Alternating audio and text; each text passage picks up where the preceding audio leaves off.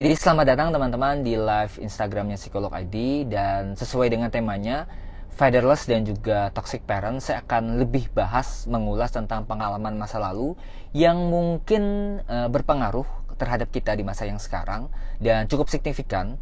Salah satunya adalah tentang kehilangan sosok ayah ataupun mungkin figurnya ada, orangnya ada secara fisik tapi tidak secara emosional nggak pernah ngobrol, kemudian seperti ditinggalkan. Walaupun dalam beberapa waktu itu bisa wajar, tapi dalam jangka waktu panjang kita seperti nggak dapat support, nggak dapat uh, emotional needs. Jadi kita kan nggak cuma butuh uh, kebutuhan fisik ya, seperti makan, pakaian, rumah tinggal, tempat tinggal, tapi juga butuh kebutuhan psikologis, butuh diajak ngobrol, butuh uh, diberikan cerita, butuh diberikan uh, keberanian, butuh diberikan keyakinan dan segala macam. Nah, itu akan dibahas sekarang.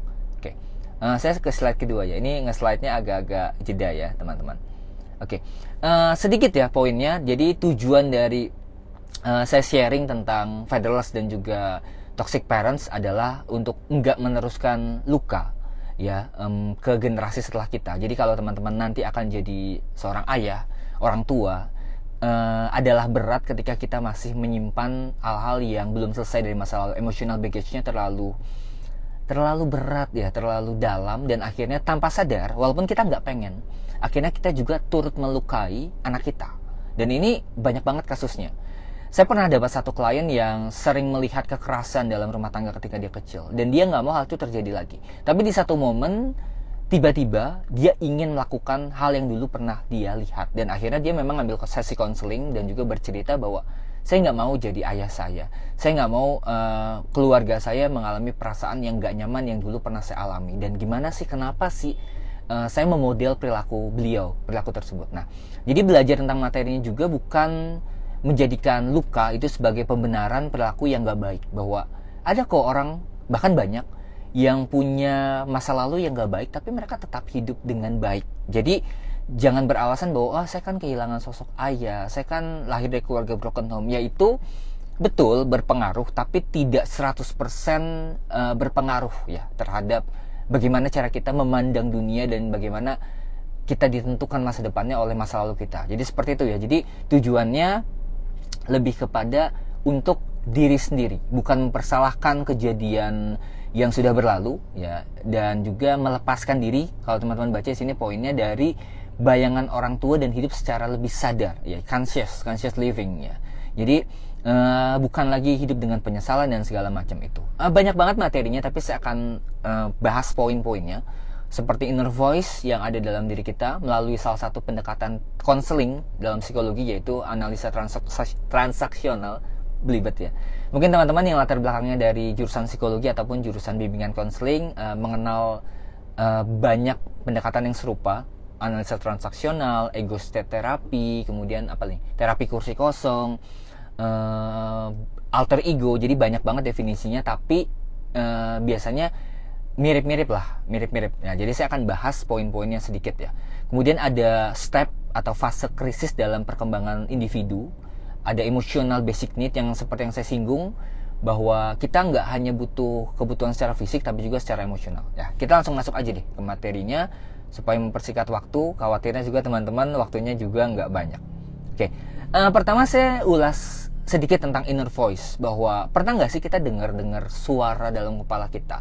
Bukan karena kita punya delusional halusinasi ataupun kita punya gangguan-gangguan lain enggak tapi setiap kali kita melakukan sesuatu bertindak seperti ada yang mendukung, ada yang mengkritisi, bahkan ada yang tidak mensupport.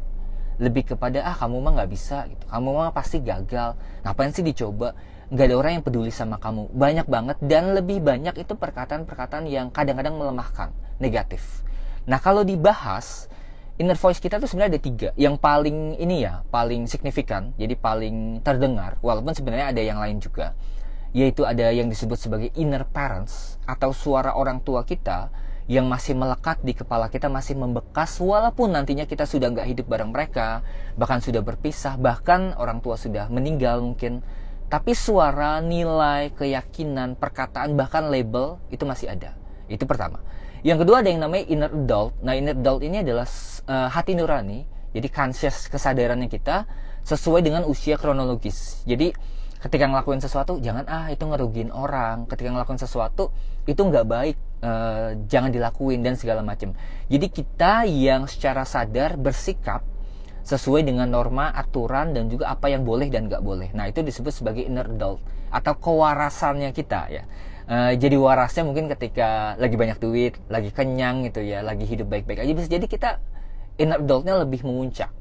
Tapi kalau misalnya kita ada dalam tekanan, lagi stres, lagi mungkin uh, keinget masa lalu, keinget mantan gitu ya, yang muncul adalah inner parents atau inner child. Ini kan yang paling banyak dibahas ya inner child. Jadi suara-suara yang mewakili pengalaman emosional, pengalaman traumatik, pengalaman menyenangkan juga ada, bahkan dari kita kecil.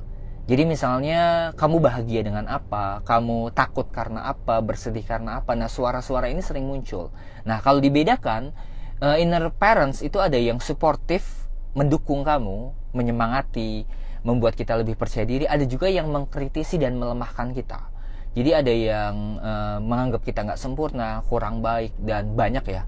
Tapi saya ulang lagi bahwa ketika kita mengenal dan juga mendengar ini bukan berarti uh, kita menyalahkan pengalaman masa lalu kita, orang tua kita. Saya percaya bahwa orang tua itu selalu berupaya melakukan yang terbaik buat anaknya, tapi kadang-kadang caranya nggak baik atau bahkan uh, menimbulkan luka yang tanpa disengaja.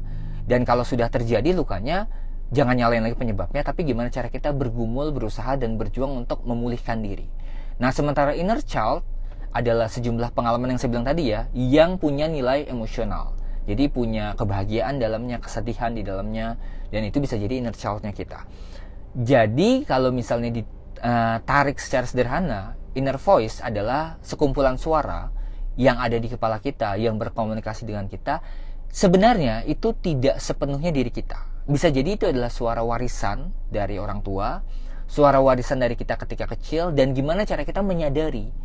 Misalnya ngelakuin sesuatu, ah kamu mah nggak bisa. Tanyakan, yang ngomong ini siapa ya? Siapa yang pernah nggak bisa ngelakuin sesuatu? Apakah saya benar-benar nggak bisa? Jadi kita counter, kita kenali ini suara siapa, nggak usah diabaikan, jangan di salah-salahin juga. Tapi lebih kepada diajak komunikasi. Nah itu ngomongin soal inner voice, ya itu pertama. Nah, ini lumayan panjang ngomongin soal inner voice aja ya. Uh, yang kedua bahwa uh, ini meminjam teorinya Erik Erikson kalau teman-teman yang psikologi pasti tahu ya. Jadi ada fase perkembangan seorang anak mulai dari fase 0 sampai 18 bulan, kemudian ada fase preschool, kemudian ada fase remaja yang rentan quarter life crisis, kemudian ada fase dewasa muda, dewasa tengah yang ada midlife crisis dan segala macam.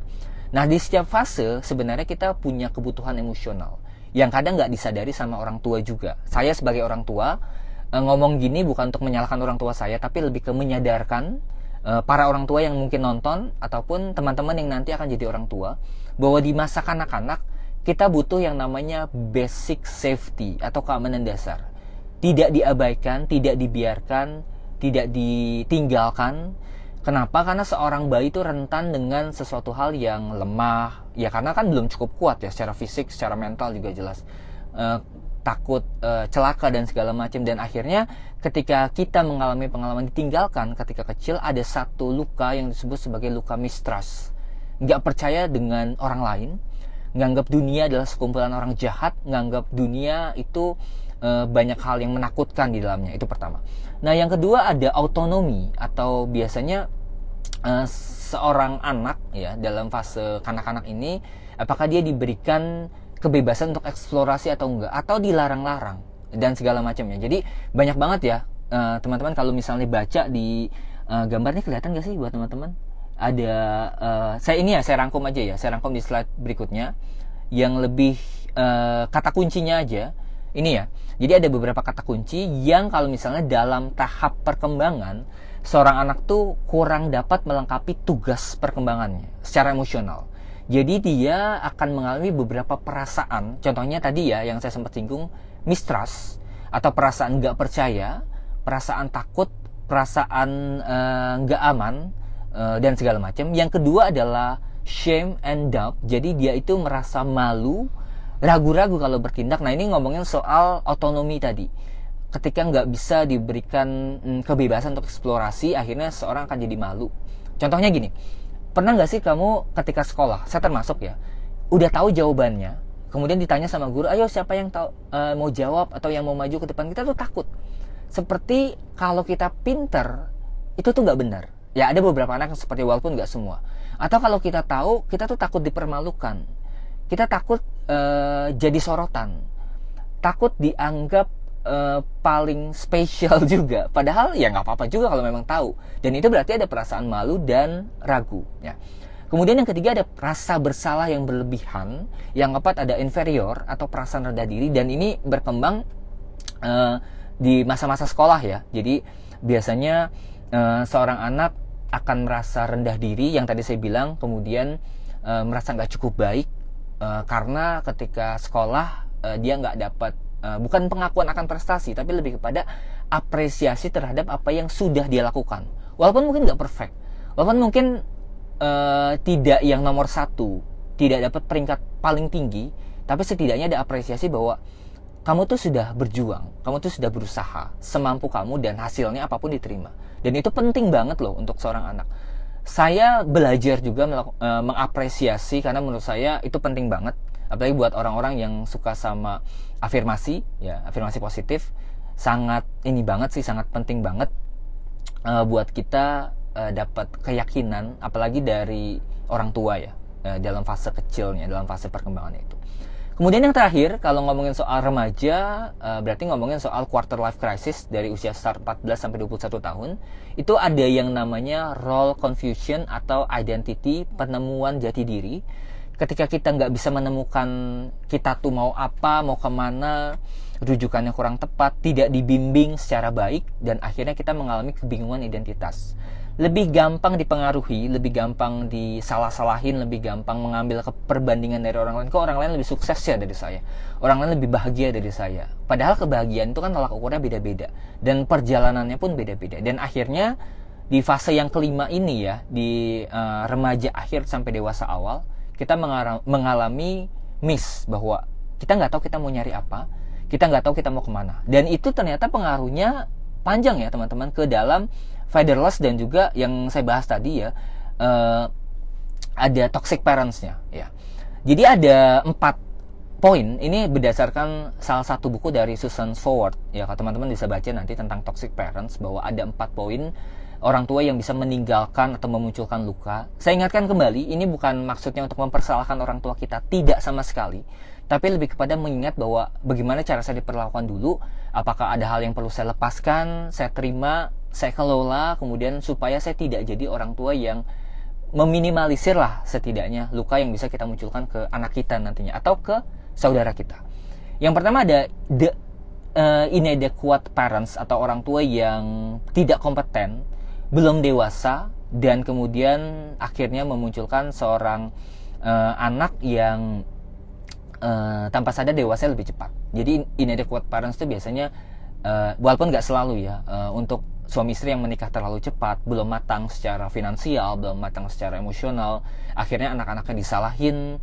Uh, kamu tuh nggak uh, bisa nurut ya, kamu tuh mm, nggak mm, mengerti papa ya nggak mengerti mama. Padahal ya mereka anak-anak gitu, anak-anak yang memang belum memahami secara kognitif belum siap gitu ya. Dan ini inadequate parents juga bisa terjadi sama orang tua yang suami istri yang menikah mungkin karena dalam tanda kutip ya kecelakaan merit by accident gitu kemudian paksaan ketika menikah dan banyak hal lainnya. Jadi ketidakdewasaan secara mental, secara emosional dan secara psikologis itu mempengaruhi cara kita mengasuh dan bisa memunculkan luka. Bisa jadi dulu orang tua kita seperti itu, uh, bukan maunya mereka menikah dan punya anaknya terlalu dini, terlalu cepat. Karena butuh persiapan loh teman-teman untuk punya anak. Uh, kita nggak ngomongin soal anak itu rezeki atau anak itu berkah karunia. Ya betul, saya akui itu. Tapi jangan lupa bahwa Eh, teman-teman uh, perlu persiapan untuk mengasuh dan mendidik. Perlu persiapan secara pengetahuan penting perlu persiapan secara finansial. Karena kekurangan ekonomi ketika mengasuh anak tuh nggak enak loh teman-teman. Ya percaya sama saya gitu ya.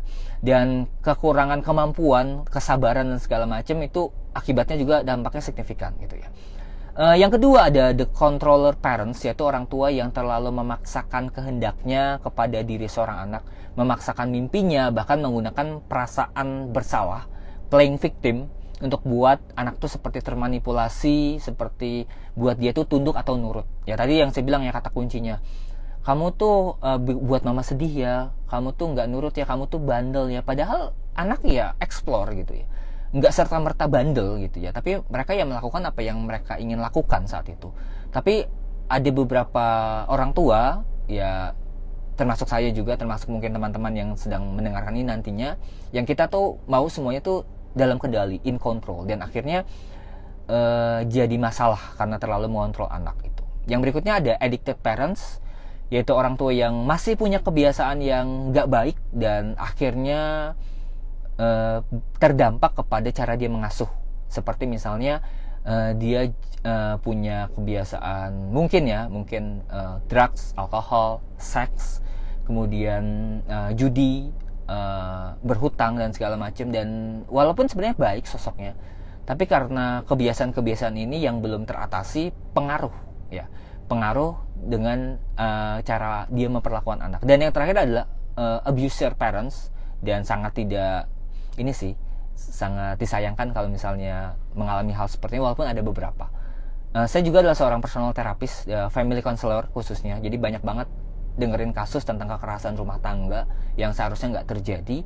Dan kalau dilihat memang ada beberapa orang tua yang nggak bisa menahan emosinya, nggak bisa menahan ucapannya akhirnya ngomong kasar berperilaku kasar bahkan menggunakan hukuman secara fisik dan itu kalau kita uh, perhatikan mungkin sekali dua kali tapi dampaknya itu bisa trauma. Trauma itu kan tersimpan bahkan tersimpan sampai dewasa. Nah itu ya beberapa perilaku yang bisa memunculkan uh, perilaku, uh, luka-luka yang uh, tanpa sadar kita alami Uh, penyebabnya banyak ya. Saya mungkin teman-teman bisa screenshot aja. Ya, saya nggak akan bacakan satu-satu, tapi poinnya aja. Ada gap antar generasi, menganggap generasinya paling baik. Ini banyak banget fenomena seperti ini. Padahal setiap generasi itu punya perjalanannya masing-masing dan beda-beda pasti.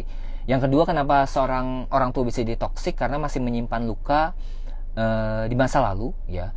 Dan yang ketiga, ekspresi atau persepsi yang berbeda dalam memandang segala sesuatu itu bisa jadi akarnya ya akar problemnya. Itu sih ini lumayan panjang ya penjelasan saya dan uh, sebenarnya eh, pembahasan tentang toxic parents toxic toxic relationship itu pernah kita ulas juga dalam sesi live yang gratis. Uh, setiap bulannya ada. Jadi teman-teman yang belum tahu setiap bulan kita ada event uh, Zoom, teman-teman bisa ikutan secara free, tapi biasanya terbatas hanya untuk 50 orang saja. Dan dua event ini sebenarnya sudah uh, lewat, yang toxic relationship dan toxic uh, parenting. Bias, uh, biasanya akan ada selalu tema baru, tapi buat teman-teman yang terlewat nanti bisa nonton atau ikutan lagi.